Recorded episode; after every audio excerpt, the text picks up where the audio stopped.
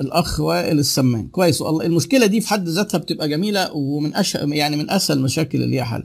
إن حجم الشغل كبر معايا ومش عارف أكبر مكتبي عشان أقدر أستوعبه.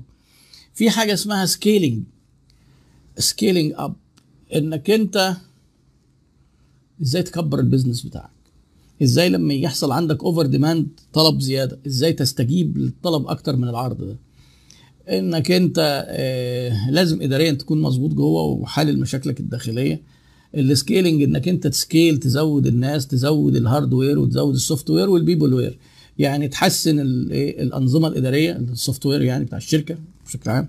تعيين ناس بتوع ال HR من ضمن تفكيرهم إن هو دايما يخطط لاحتياجه قد إيه. الموارد لو لو الشغل كبر وإنك أنت تجيب معدات وأجهزة للناس دي مثلا محتاج كمبيوترات محتاج للناس دي محتاج printers plotters whatever فإنك ادرس موضوع ال scaling ده وتعمل situation analysis سواء تشوف الفيديوهات اللي نعملها على سواء تشوف إيه نقط الضعف عندك إيه اللي م... ال bottleneck دايما الشركات وهي بتكبر بيبقى في حتة عنق زجاجة. تقعد أنت تفك عنق الزجاجة دي وتلاقيها تتنقل من مكان لمكان لمكان. والشركة بتبقى بادئة ما فيهاش عملاء. عنق الزجاجة بيبقى ما عندناش عملاء. انت عندك عنق الزجاجة لأن في عملاء بس ما فيش productivity عنق الزجاجة في ال productivity فتقعد تفكر إزاي تزود الإنتاجية. ممكن تزودها زيادة عن اللزوم. تيجي تقول بقى كده ده إحنا محتاجين عملاء. عنق الزجاجة اتنقل أهو راح للعملاء. طبعا لازم تتأكد إن أنت اداريا متظبط الأمور عندك من جوه ويكون في حسابات عشان يبقى في أرقام عشان نعرف نحلل كمان ونعرف نشوف محتاجين نعمل إيه. آه واقرأ في ال Scaling Up إحنا في دول لا تحترم هذا. الأخ محمد مجدي بيقول لك الملكية الفكرية ما تحدش من المنافسين ياخدوا المنتج الجديد ويطلعوني بره السوق. ده في مصانع قاعدة بتنتج تيشيرتات وتضرب تحط زهرة يعني لازم يعني ملكية فكرية ما موجودة القوانين بس غير مفعلة. يعني في دولة زي عندنا مش هتحميك ولا حاجة. مش هتحميك. هيبقى اسمهم تقليد. ماشي. انت الاصلي مفيش مشكلة. بس في ساعات كتير جدا الأصلي ده بيبقى بيعاني وما بيبيعش بسبب التقليد. يعني ما تعولش على الملكية الفكرية دي. الملكية الفكرية هي مثلا إنك أنت العلامة التجارية النموذج الصناعي لو أنت عندك براءة اختراع برضه كل ده يعني إحنا هنا صباح الخير قوي يعني. الأخ محمد عسل أو عسل غالبا. بيسأل سؤال آه إن إيه راح فين السؤال؟ اهو الموظفين عندي بيمشوا بسرعة ما بيستمروش. إيه حل المشكلة؟ دايما أنا عايزكم تعرفوا قاعدة برضو لما تيجي تسأل سؤال زي ده لنفسك حتى. دايما العلاج هو علاج السبب. ال employee turnover أو معدل دوران العماله العالي ده عرض وليس مرض. وإحنا يمكن اتكلمنا قبل كده عن ال root cause analysis اللي هي تحليل جذور الأسباب. الناس بيمشوا كتير. اللي بيمشي من الشغل ده بيبقى ماشي بسبب عدم الرضا مش راضي عن الشغل. وبرضه اتكلمنا عن أسباب الرضا الوظيفي قبل كده. أنا اتكلمت عن حاجات كتير قوي على فكرة هيبقى عندي مشكلة بعد كده مش هلاقي لكم مواضيع أتكلم عنها. يعني يعني كل ما حد يسألني سؤال أقول له ده أنا اتكلمت عنه قبل كده. وشوفوا على اليوتيوب أعتقد هتقدر إيه دور على فيديو أنا عامله عن الرضا الوظيفي. الرضا الوظيفي هي إيه؟ إيه الأسباب اللي بتخلي الناس تبقى راضية وإيه الأسباب اللي تخلي الناس مش راضية؟ اللي بيمشي ويسيب الشغل أكيد الرضا الوظيفي عنده منخفض. إحنا متخيلين إن الرضا الوظيفي مرتب. لا. مفيش دراسة اتعملت في العالم حطت إن المرتب هو أول حاجة بتهم أغلب الناس. لقوا إن العلاقة بالمدير المباشر. يعني لو أنت المدير الشركة ممكن تبقى أنت السبب. ممكن يعني احتمال أنا برضو ما بنجمش يعني. الموظفين بيمشوا. يا إما بيسيبوا مديرهم غالبا بيزهقوا منه بالذات المديرين اللي هو في عندنا كده إيه مدير مصري تقليدي كلاسيك كده اللي هو عمره ما يقول شكرا دايما متجهم ودايما بيكشر ودايما يقول للموظفين آه أنتوا ما أنتوش شايفين شغلكم. ويكون واحد مجتهد طول الشهر ويعمل حاجة كده صغيرة بسيطة يقوم قاعد معذبه ومأنبه عليها. ولما يجي حد يفكر فكرة جديدة يقول له إحنا مش جايبينك عشان تفكر. وياخد الفكرة وينسبها لنفسه. ولما هو يأثر في شغله يجي حد يلومه ويقوم إيه مسلم الموظفين اللي تحتيه تسليم أهالي. يجي حد يقول له أنا عايز إجازة ما فيش إجازة. يقرف الناس كده. مدير مقرف. لو في مدير زي كده وفي موظفين تحتيه عاشت لازم تبقى عارف إن الموظفين دي كسر وملهاش مكان تاني في السوق. الموظفين الكفاءة بتطردهم الثقافات اللي زي دي. وبعدين إحنا كمان عندنا إيه؟ الموظف اللي هو وحش ده اللي إحنا سايبينه ومستحملينه يجي حد عايز يمشيه يقول لك لا قطع الأرزاق حرام. خلاص سيبه بقى. يجي الراجل الكويس يقول لك ده أنا جاي لي فرصة بره. تقول له والله الشركة ما بتقفش على حد والباب يفوت جمل. ويخونك العيش والملح. ده أنت جاي لنا بشورت ما كنتش تفهم حاجة.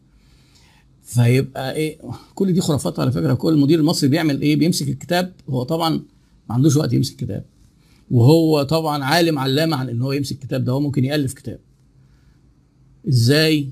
آه إزاي تدير شركة بنجاح؟ وإن الموظفين ما يجوش غير بتسك على دماغهم ودماغ اللي خلفوهم. وهو ده دي ثقافتهم يعني.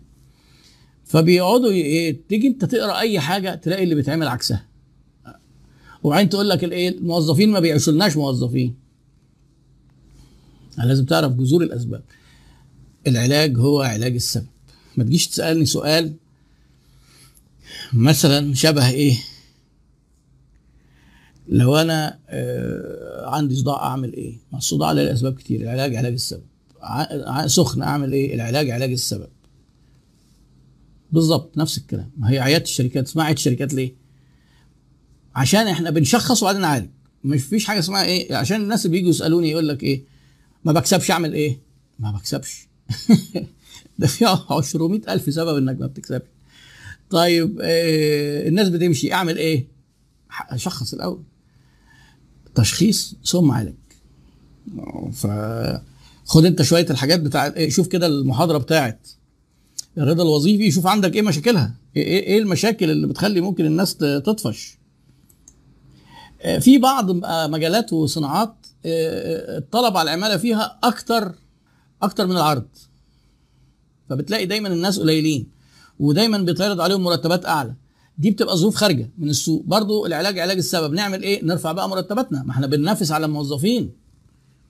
يعني لازم تعرف السبب لأن بتختلف جدا هتعمل إيه حسب إيه اللي حصل. ده سببه إيه. طيب كويس. أهو ده سبب برضه بس أنت بتقول أنا كان عندي turnover بسبب إن هم ميصين ميصات يعني ومش عايزين يشتغلوا وعايزين ياخدوا فلوس. ولما غيرت الطقم الوضع اختلف وبقى اللي محطوط له انذار إنه هيمشي بيحارب عشان يقعد. كويس جدا. يبقى أنت كان عندك السبب إيه؟ سوء الاختيار في التوظيف والتعيينات. ما هو السبب ممكن يبدأ من ال recruitment ال recruit إنك أنت تعيني ناس غلط. وإحنا قلنا إن أهم خطوة في التوظيف والتعيينات بالنسبة لنا فترة الاختبار الثلاث شهور دي. فالثلاث شهور دي لما أنت تلاقي حد مايص طب أنت سايباه ليه؟